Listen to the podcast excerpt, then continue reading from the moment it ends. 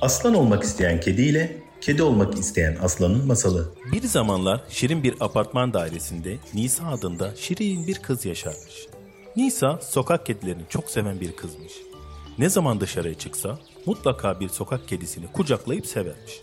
Kediler de Nisa'nın apartmandan çıktığını gördükleri zaman mutlaka yanına doğru koşarak kendini sevdirirmiş. Nisa artık evin içerisinde bir kedisinin olmasını çok istiyormuş. Ailesi buna maalesef karşıymış. Nisa bir gün kafasına koyduğu fikri gerçekleştirmek istemiş.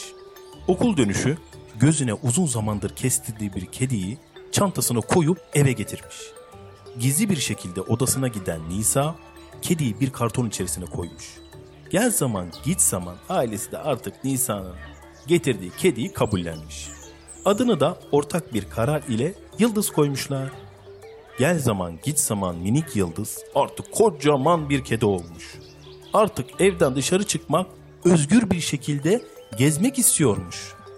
Nisa ve ailesi Yıldız'ı da alarak bir hafta sonu hayvanat bahçesine gezmeye gitmişler.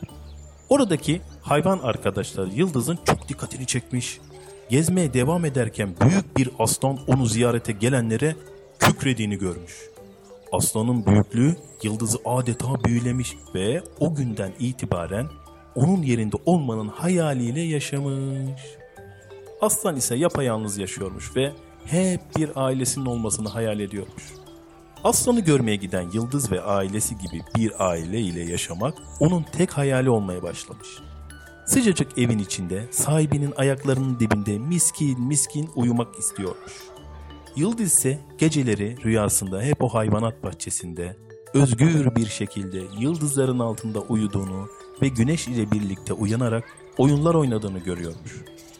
Bir gün Yıldız evden kaçmaya karar vermiş ve hayvanat bahçesini yolunu tutmuş.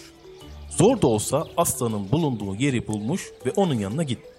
Aslan çok şaşırmış. Aslan Yıldız'ın neden geldiğini merak etmiş ve sormuş.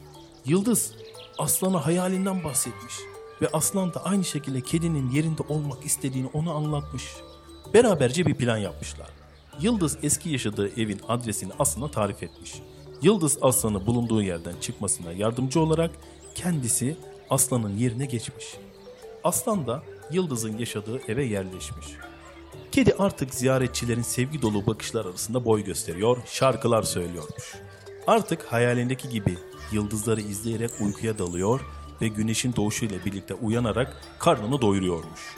Diğer arkadaşlarıyla oyunlar oynayarak dışarıda olmanın tadını çıkarıyormuş.